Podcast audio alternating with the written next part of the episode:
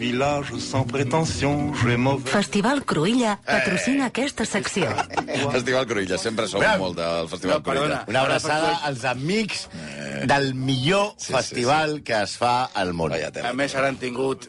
Gràcies. Eh, Gràcies al Cruïlla, Festival ens ha dit Cruïlla. que si voleu entrades, teniu entrades. Sí, sí. Així que gràcies. aniré Abraçada. amb Són 150 terribles. amics. És el Sou- millor festival, cosa. és el millor festival de música, està superben organitzat, el patrocina també Estrella d'Am, eh, ja, no sé, és mara, ma, Els molt, més venuts de la història de la ràdio mundial. No, no, mira, pa, vostre. un moment, que un moment. Xavi? Bundó. Què? Parlem de, De de venuts i de, i de Per què? ganyotes. Per què?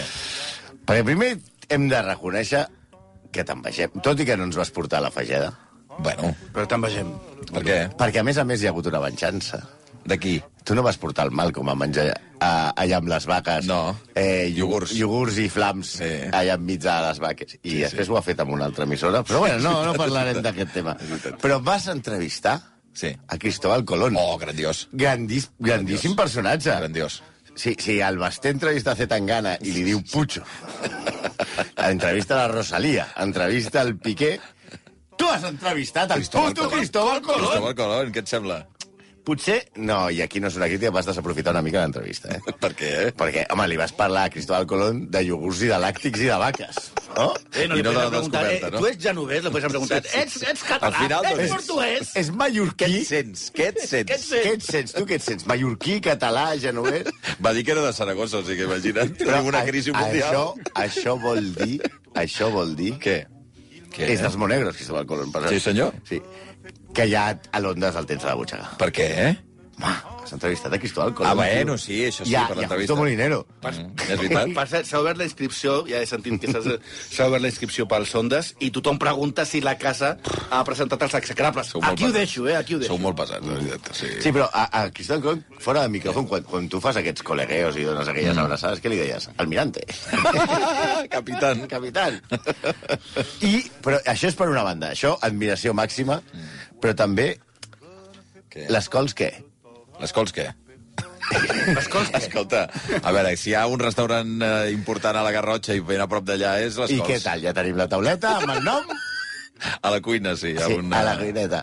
Perquè tu ja... És que Gent fantàstica, estupenda. Estupendíssim. Sí, sí. Però, La Fina i les seves filles. La fi... ja, ja, ja li diem fina, no? Ja? Sí, sí. La Fina Puigdevall i les filles. La fina. La Martina, la Carlota, la Clara, Ja Carla. està, ja està molt bé, molt Ja ets padrí de totes, no?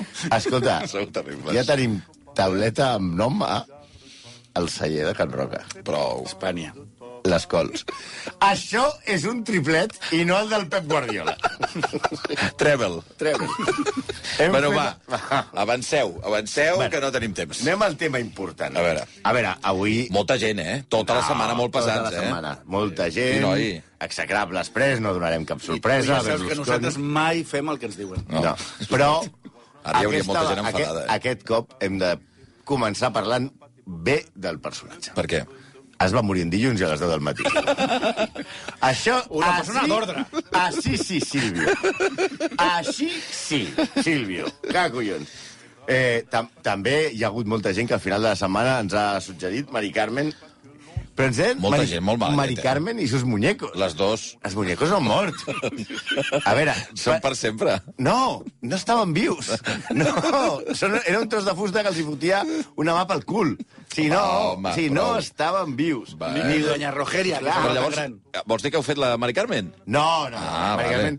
tampoc, pobra dona, tampoc et sembla... És la versió AliExpress de José Luis Moreno, que ja es diu molt, i era un mort de l'època de la carta d'ajuste, que no sé què... Potser la carta d'ajuste era més divertida que ella, però bueno, va caure, va morir per una caiguda, tampoc era gens execrable, no creiem, més que no tenia cap gràcia.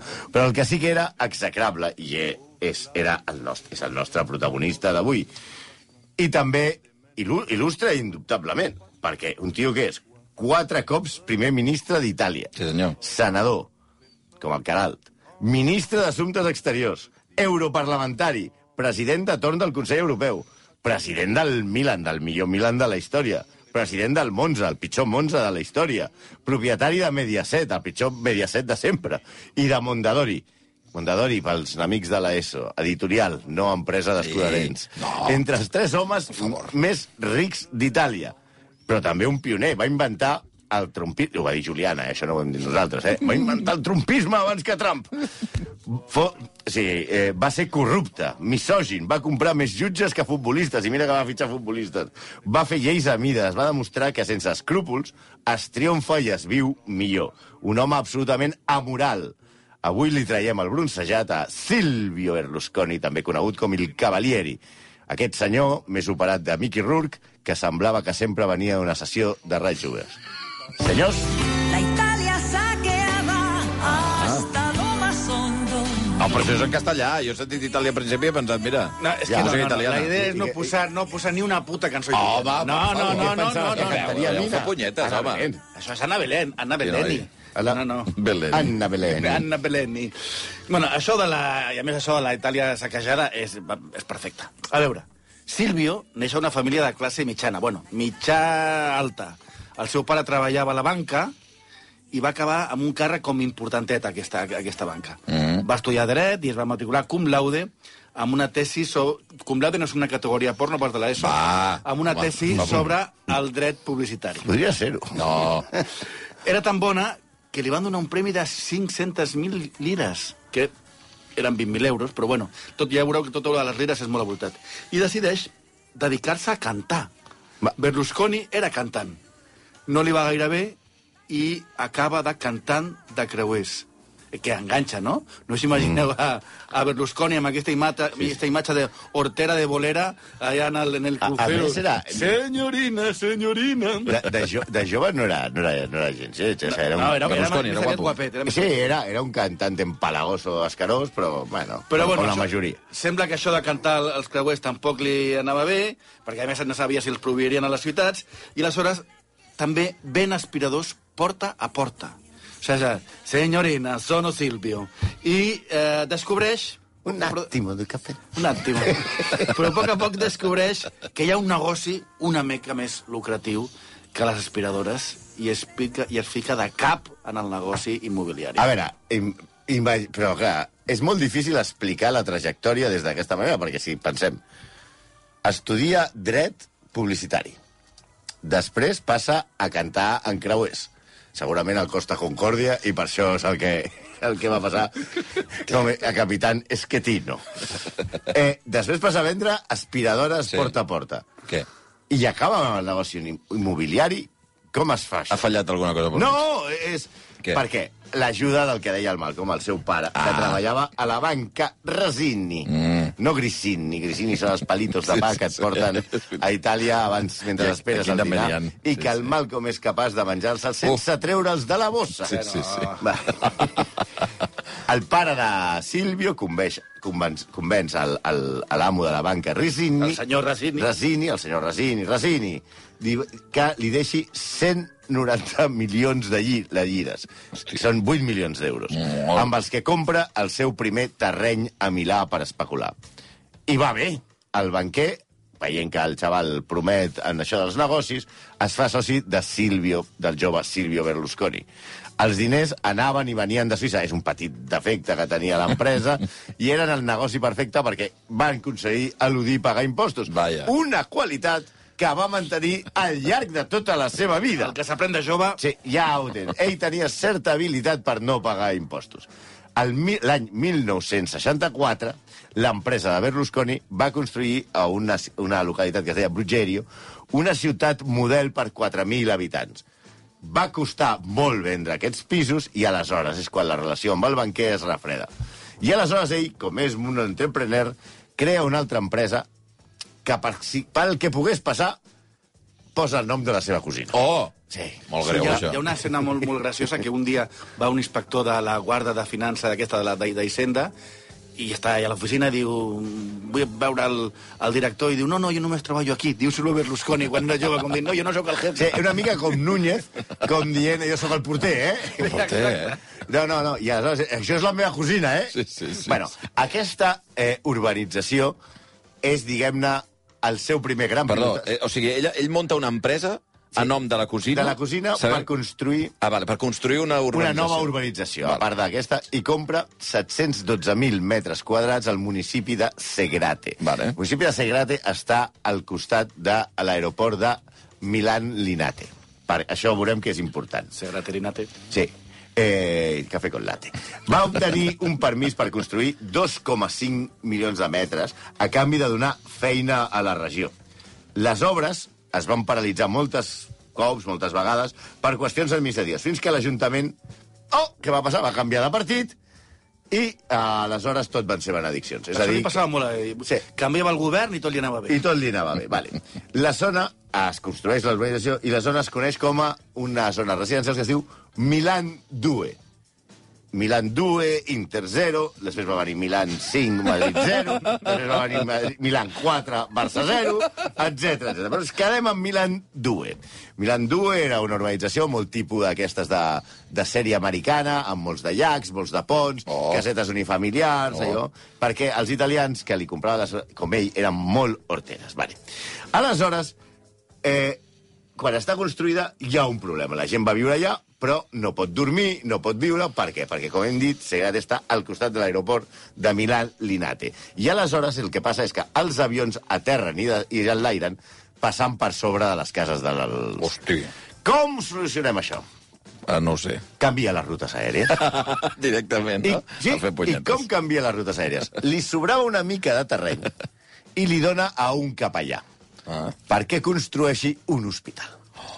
Aleshores, quan el capellà aquest, amb una sèrie, amb una ordre religiosa, construeix un hospital, aleshores ja pot anar al govern i dir-li... Per favor. Per favor, que aquí hi ha gent malalta, Per eh? favor, deixeu-los descansar. Que Quina, I quina aleshores, cara té. tots els avions que arribaven van canviar la ruta aèria. Brutal, eh? Així, perfecte. Ojalá que la tierra no te bese los Ah! Hombre, eh. Rodríguez, no? la mirada constante, la palabra precisa, la sonrisa. que ho té, perfecta, eh? eh? La sonrisa perfecta la Hombre. tenia, eh? Aquest, Hombre. aquest, aquest, aquest Silvio sí que ens agrada bastant més que el cantant de Creuers. La paraula precisa... Sabem si alguna vegada Berlusconi va fer eh, una versió de Sílvia Rodríguez? Eh, Segurament. Segurament. No? Potser en un, Segurament. en un creuer Però cantes en pilotes, aquesta. no, no, no, no, en una festa en pilotes ple de Berlín, segur, segur, segur. bueno, en fi, ell crea més Amb alguna immobiliàries... cubana havia estat. Va. ell crea, crea més immobiliàries i li donen un reconeixement a la feina. Cavaliere del Laboro. Cavaliere i Labor és un gran títol, eh? Que per això li diuen el Cavalieri, és per aquest títol. Ah.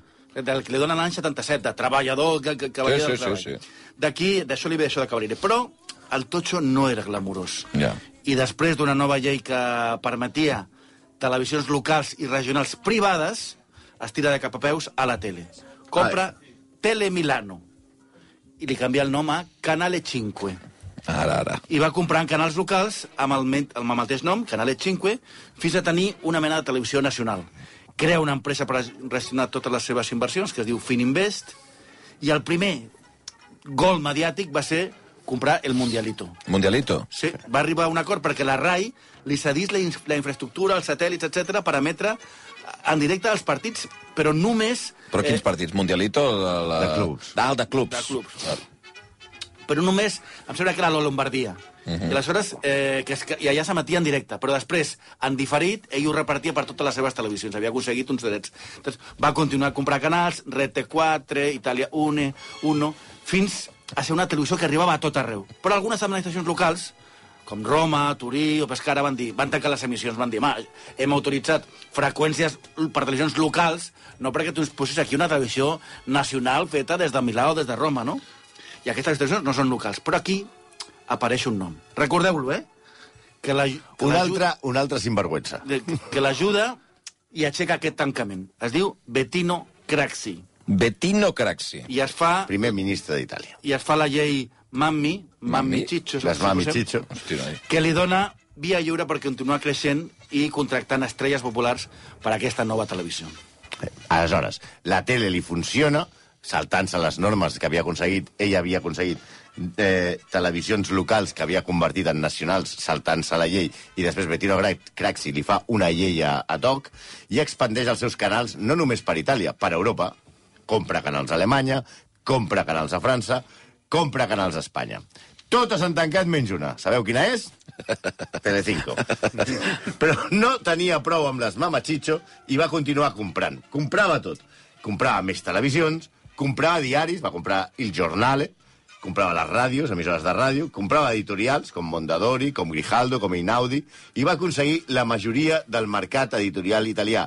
També va comprar productores de distribució de pel·lícules. El Blockbuster d'Itàlia era de Berlusconi. Supermercats també compra, participacions en banca, participacions en assegurances.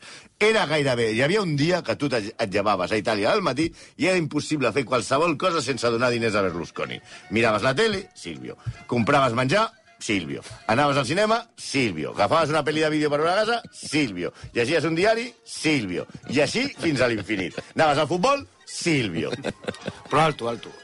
Els mètodes del nostre Silvio per comprar no, sí, no, perquè fins aquí seria, hòstia, molt bé per ell. Una capacitat, un home fet a si mateix, eh? no eren el típic de, bueno, quan val això? Vinga, t'ho dono, o et fas una rebaixa, a veure, si em- l'oferta demanda, no. Per exemple, un exemple és Mondadori.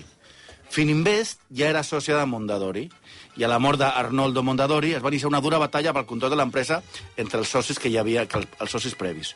I la justícia va, fa- va, va fallar a favor de De Benedetti, que era el rival de Silvio, de que ell seria el que es quedaria amb Ah, bueno, llavors li van donar l'altre. a l'altre. Però Berlusconi va recórrer, No. va recórrer i va guanyar. Ah, Escolta, vaja. coses que passen. Sí, sí. I es va, es va quedar en l'empresa.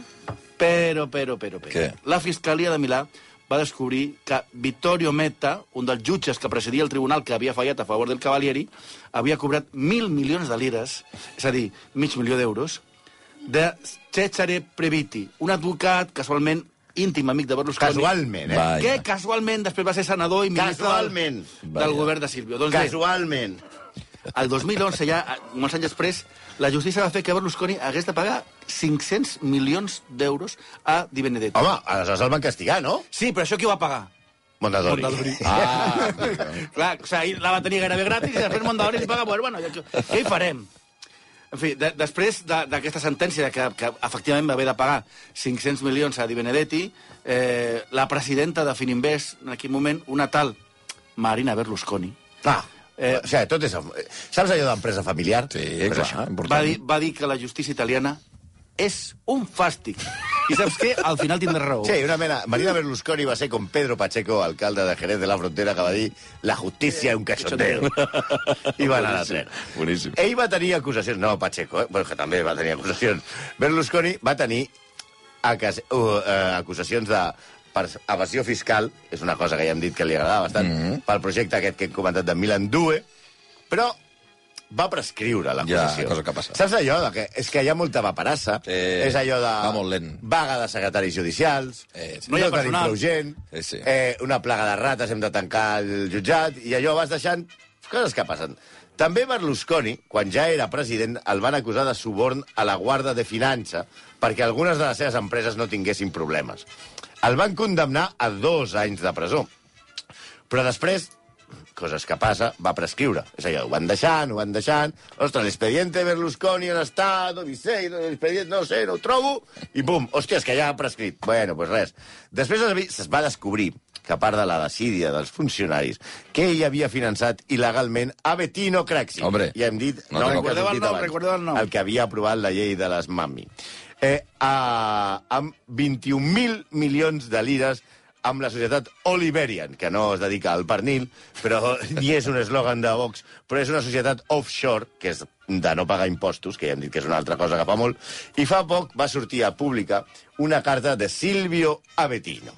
Deia així, obro cita, Caro Bettino. I tant que sortia car, Bettino. Caro, caro de cojones. Caro, carísimo. Moltes gràcies pel que has fet. Sé que no ha estat fàcil i vas haver de posar la teva credibilitat i autoritat sobre la taula. Espero tenir una manera de correspondre'ns. Ah, sí, sembla que la va trobar. Van ser eh, no sé quants mil milions de lires. Va ser condemnat també per aquesta carta i per aquest cas. Però al final, a que no sabeu què va passar? Va prescriure, també. Oh. No va arribar a temps. Vaja. Els jutjats italians, molta paperassa, no va arribar. Però el cas Oliverian no s'acaba. Es va descobrir també que va pagar 600.000 euros a l'advocat David Mills perquè testifiqués falsament en el cas. Fins i tot l'advocat, condemnat a 4 anys, va tenir sort en el seu cas. Per què va passar i no es va condemnar David Mills? Que es va caducar, també. Va prescriure, Ah, també. hombre, és que això hombre. la justícia és, És un terrible, cachondeo. clar, clar. I el cas de Berlusconi, què va passar? prescriure. Va prescriure! La, la veritat és que És que no es pot anar enlloc. No, és que la, la justícia italiana va molt lenta. Molt tenia raó, que lenta. un fàstic. Bueno, la veritat és que gairebé totes les empreses de Berlusconi en tenen un cas d'aquests. O sigui, cas Mondadori, cas Mediaset... Que, cal dir que en el cas Mediaset, d'evasió fiscal, falsedat de comptes, etc eh, inflava els comptes amb esdeveniments eh, esportius per pagar menys impostos. Aquest tio ens va vendre Dugarrí, eh? No ho oblidem, tampoc. Aquest, Fort, eh? aquest Fort. no va prescriure. No. No, No, el van no. condemnar un any de pressió domiciliària, però que podia incloure... Per lo de Mediaset. Sí, però Ah. podia incloure viatges a No Milà. per lo del Dugarrí. És allò, és allò... No, no, això seria molt més greu. Això seria motiu de CC. Sí, sí. Però, però quina... qui- Una pressió domiciliària. Però podia anar a Milà o a Roma... podia per- viatjar. Sí, sí, però dintre de... Era una cosa... I pressió domiciliària no és... Diguem-ne que la casa de Berlusconi no era un pisito. 100 hectàrees, 100 hectàrees. Però bueno, eh, escolta. Un bosc. Però al, al final... Seu, deixem aquí, tancat. al final el seu Queda't propi... aquí, a la puta merda, amb, Aquí. les, sis- amb les sis piscines, home. amb els cavalls. Hosti, noi. No, el que, el que va passar també és que quan, quan, va, quan en el seu propi govern va despenalitzar la falsetat comptable. I aleshores ja no hi Ja no hi havia... ha Ah, bé, està no, bé. No hi havia? Despenalitzar la falsedat comptable Ai, és molt gran, eh? Sí, sí. Només era, era un bilió i mig d'euros. Tampoc ens posem així. O sigui, un, mili, un bilió és un milió de milions, doncs un milió i mig. Poc no n'hi ha per tant, home. Home, després no dius per res. Al final hem posat música italiana. Vaja, vaja, vaja. A veure, aquesta cançó, òbviament no cal explicar per què posem aquesta cançó, Home. no? La pitjor versió que hem trobat, eh? Sí, molt dolenta. Sí, Sí, és- és, està és- pensant, és un- és un- Casiotone. Eh, És de piano, és un, Sí, sí. és un d'aquests eh, tutorial Casio. de piano. Sí, sí, Casio. A veure, connexions de Sílvio amb la màfia. Penseu que podien haver-hi? No, no, impossible. Colló que no. no. S'han escrit moltes de les seves connexions, però no ho posem per això. Ho posem pel grup P3, la lotja P3, que no és a l'any de parvulari, és l'associació secreta P3, que pretenia és, va formar Itàlia per pressionar a magistrats per obtenir beneficis pel govern de Berlusconi. La fiscalia ho va descobrir i van caure empresaris, van caure constructors, van caure jutges, va caure la mà dreta de Berlusconi, no la, no la física, sinó un senyor que es deia Marcello de Lutri, condemnat i vinculat amb tractes amb la màfia, i alguns van acabar a la presó. Gairebé s'enfonsa un banc i va haver dimissions. I Berlusconi? Què? No va passar res. Ah, vaja. No, perquè no hi era. Estava com a la cocina, no? A ell eh, van descobrir els papers i en tots els papers o les gravacions que va fer la Fiscalia i la policia, sempre que parlaven d'algú que era el que manegava la trama, es referien a ell com ha parlato con il Cesare. Il Cesare lo sabe. Com està el Cesare? Cesare contento. Cesare contento. Mai es va descobrir qui era il Cesare, Hòstia. que és el sobrenom. És com si diguessin M. Rajoy lo sabe? Sí, No, no. sí, sí, sí, sí, sí. M. Rajoy. No s'ha de dir que això, aquest Marcelo de Lutri, el va conèixer, el va conèixer Berlusconi quan ell era, era inspector d'Hisenda. Aleshores, li van fer una inspecció que miraculosament va sortir net a l'empresa de Berlusconi que sí. i el va contractar immediatament Evidentment. després. El dia següent entrava a les seves empreses. Casualitats de la vida i el tio havia pues, el que, el, que volia, càrrec. el que volia aquesta associació mm, de la, la P3, que està feta com a imatge de la P2 maçònica, el que volien era que sortís la llei Alfano, que no estava casada amb, amb Romina. La Lodo Alfano, en italià, que té més sentit. Lodo. Era, era una llei que donava immunitat total als quatre màxims dirigents del país. Carambes. Eren Eh, Molt millor que nosaltres, que només tenim immunitat total per un. Per un, eren totalment inimputables. I, bueno, va estar a punt de sortir, però al final es va declarar in inconstitucional. Però aqu- aquest cas va destapar la, la, la, la, la, tota la, la merda que hi havia a la justícia. Ha de demostrar que amb l'ajuda de Cesare Priviti, també condemnat per subornar jutges, el partit de Berlusconi nomenava jutges, fiscals perquè estiguessin a favor seu. Resulta que sí que tenia raó Marina Berlusconi. Mamá Chicho me toca. Hombre! Me toca cada vez más. I així ara, aquí et poses els dits aquí a sobre les tetes. No, i home. Doncs anem amb el tema de les dones. Eh? Sabem que no podem tocar tot el tema Berlusconi. És impossible. És impossible en tanta poca estona, però bueno, perquè després arriba García Grunyón i es queixa. Sí, sí. sí sí Ui, ja s'està queixant, mira, a les 11 i 8, Sí, ja imagina't. està. Uh, ell tenia el monopoli, gairebé el monopoli de les televisions quan era al poder. Va fer purgues a la rei, va despedir a moltíssims periodistes i després eh, uh, va fer les coses a les seves televisions. imagina que tens la televisió pública i la televisió privada. Clar. Ja tens tot. Ja, ¿Para qué, pa què quieres más? També passarem per alt la seva amistat amb personatges com Gaddafi. Eren íntims amics en Gaddafi, en Mubarak, eh, la seva política internacional a Itàlia. Però anem al tema de les dones. Els que han vist la, el Loro, eh, 1 i 2, la pel·lícula aquesta de Sorrentino, ja Sí. intueixen que tenia una bragueta bastant saltarina. Es va casar, primer, amb 29 anys, amb Carla Elvira Duchia de Loclio. I van tenir dos fills, Maria Elvira, coneguda com Marina, que és la que li feia fàstic Ah, la la, justícia Que italiana. heu citat abans, Marina Berlusconi. Sí, i el segon fill, que es diu Pier Silvio. El 1980 va conèixer i es va embolicar amb l'actriu Verónica Lario. Li va posar un pis a la seu de Fininvest perquè si ell no havia de sortir de fer les seves... Mira. I, i això ja feia les altres coses. Un pis de- amb la mare.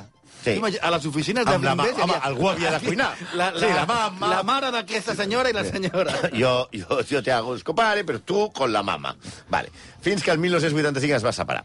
El 1990 es va casar amb ella i el padrí va ser Atenció, Bettino Craxi! Hombre! Casualitats de la vida. cop. Tenim Casualitats. moltes casualitats avui. És com un programa de Telecinque. Casualitat, tengo una carta para ti. Sorpresa! Bettino Craxi va ser el padrí de bodes. Va tenir tres fills més, però es van separar.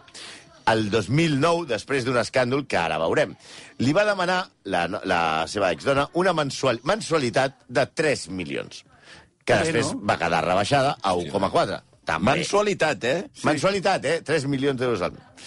Al final, un jutge, casualment amic de Berlusconi, Vaja. va cancel·lar la pensió. Home, això, això et passa per demanar massa, noia. Demana poc, home. I la va obligar a tornar 60 milions, però amb un acord extrajudicial es va pactar que no tornés res, però que mai més rebria diners Vaja. de Berlusconi. Es quedava només en aquests 60 milions. Només en els 60 milions.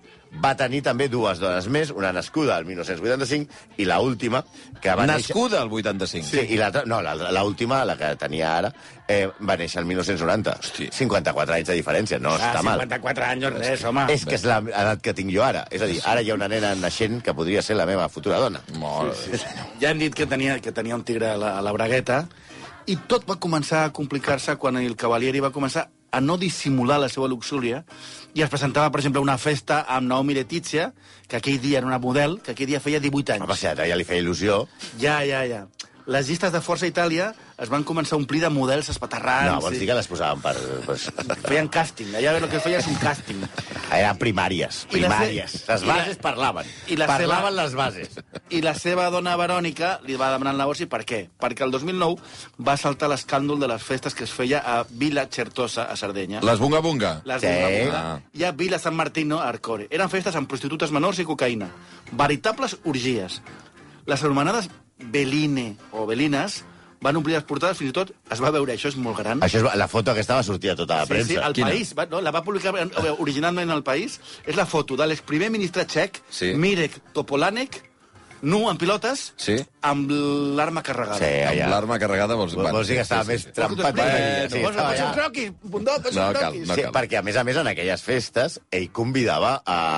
Ah, ell no estaria ell sol. Igual, no, no, no, sol no estava, però vull dir que et convidava a mandataris, banquers, Ah. financers, que també eren gravats, perquè la, però per seguretat seva, eh? Sí, per sempre. seguretat seva. Això és com Villarejo. Segons sembla, Sabina Vegan era l'organitzadora de les festes, com tu deies, Bunga Bunga, de Silvio Berlusconi, coneguda era Sabina Vega com la vella reina. Comptava amb l'ajuda del periodista de Mediaset, Emilio Fete.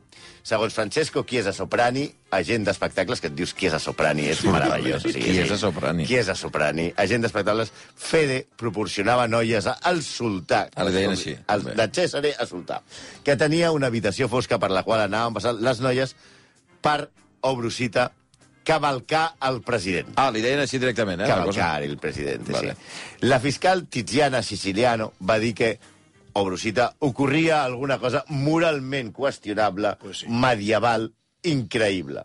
Una horrible violència contra les dones.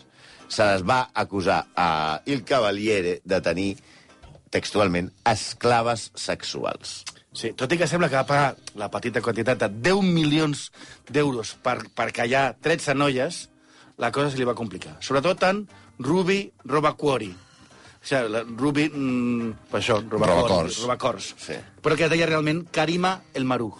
Primer, perquè la va treure del calabós per un robatori menor, menor. Ella, ell va fer que la, traies, la traiessin fora de la, de la comissaria dient que ella... Això és la, molt gran. Que era la neboda de Hosni Mubarak. Es va inventar que era la neboda de José Mubarak. Sí, però home, la policia, jo sé que la policia italiana no sé com és, però jo crec que sospitaria alguna cosa. La policia si no ella era eh? marroquina i Hosni Mubarak és egipci. Són dos Però països vés a diferents. saber, Bueno, vés a saber quin vés a de saber gent et la trobes, família. tampoc, Aquesta eh? gent té moltes dones. Ah, ara. I, i, eh, Home, igual fa- és- és família, però llunyana. Sí, home, sí. No, el problema que, que, que ella era menor i la prostitució de menors pues, és un delicte. Va aparèixer un enregistrament en què ella explicava a una amiga que li havia dit et, al Cavalieri et donaré tots els diners que vulguis, et pagaré, et cobriré d'or, però ho has d'amagar tot i no dir res a ningú. Ella ho va negar tot i només va confessar que li va donar 7.000 euros pels seus estudis. No. Sí, per vinga, estudiar. vinga, fes un curs de Per- mecanografia, guapa. Oh. Per, per, per, per, per CH. cultivar-se. Sí, TH. eh, FEAC, exacte. Curso de guitarra. I, que, i, Curs de flauta travessera. i, i, ell va, i, per i ell va confessar que sí, que repartia com ajudetes de, de 2.500 euros a les noies per ajudar-les, per ajudar-les. Perquè és un bon home. Encara que el van condemnar en primera instància, oh, sorpresa, després va sortir innocent del cas. Però Mira. mira, aquest cop, com a mínim, No va No, prescriure. va prescriure. no, no, no. Però hi ha més. El futbol, per exemple. Molts recordaran l'escàndol Calciopoli. Que diem, hòstia, Calciopoli, la Juventus. No, doncs el Milan de Berlusconi també estava a l'escàndol. Això sí que era compra d'àrbitres de. El caso Negreirini. Estaven involucrats àrbitres, la federació, directius de clubs. En principi, la justícia de Turí no va voler estendre la causa a altres equips, sobretot perquè estava Berlusconi al, a- al tanto. Però les notícies i revelacions del Calciopoli van, van, van obligar a la premsa a reobrir el cas. Al Milan li van treure 15 punts en primera instància. Van recórrer i van ser 30. I 100.000 euros. 100.000 euros de multa a Berlusconi és com si a mi em posen una multa de dos cèntims. I va obligar al Milan a jugar a la fase preliminar de la Champions. Champions que va acabar guanyant el Milan, també, per cert. Que no sempre, i això ens demostra que no sempre, a la majoria de casos, querits amics, queridos S'ha amigos, s'ha de dir que en Berlusconi... no guanyen els bons. No, no. Guanya, mai s'acaba, perquè hi havia una polèmica en el seu moment de que a Vila Certosa ella havia fet un túnel per, la, per, per les pedres, per arribar al mar, una mena de moll secret, i era per seguretat. I tu, clar, no havia demanat permís, però és que és una persona molt important. Home, evidentment. I ara s'han vist les imatges, I què? i té llums de colors, pintures, és un moll com de luxe... Vaja, és una discoteca, Sí, saps? sí, sí. Home, això també s'ho va fer del mar. A casa seva a Brasil. Efectivament. Va, que passa un minut d'un quart de 12 del matí, doncs avui, el, per petició popular, eh, Il Cavaliere, la setmana de la seva defunció, eh, execrable express, Silvio Berlusconi... Cavalier rampante. Cavaliere Rampante, per eh, formar part dels il·lustres exec- execrables. Una salutació al primer ministre de Txecoslovàquia. Ara. Se li ha baixat la... li ha baixat la grua, ja. Apa, va, adéu. Adéu. Ciao, ciao, ciao. On viendra me voir pendu, sauf les aveugles, bien entendu. La música, l'art i la comèdia tornen del 5 al 8 de juliol al Festival Cruïlla. Vine a donar-ho tot al Parc del Fòrum amb Placebo, Antonia Font, The Offspring, Sigur Ros, Rubén Blades, Franz Ferdinand, Al Jay i molts més. No et perdis els 4 millors dies de l'estiu al Festival Cruïlla 2023. Info i entrades a cruïllabarcelona.com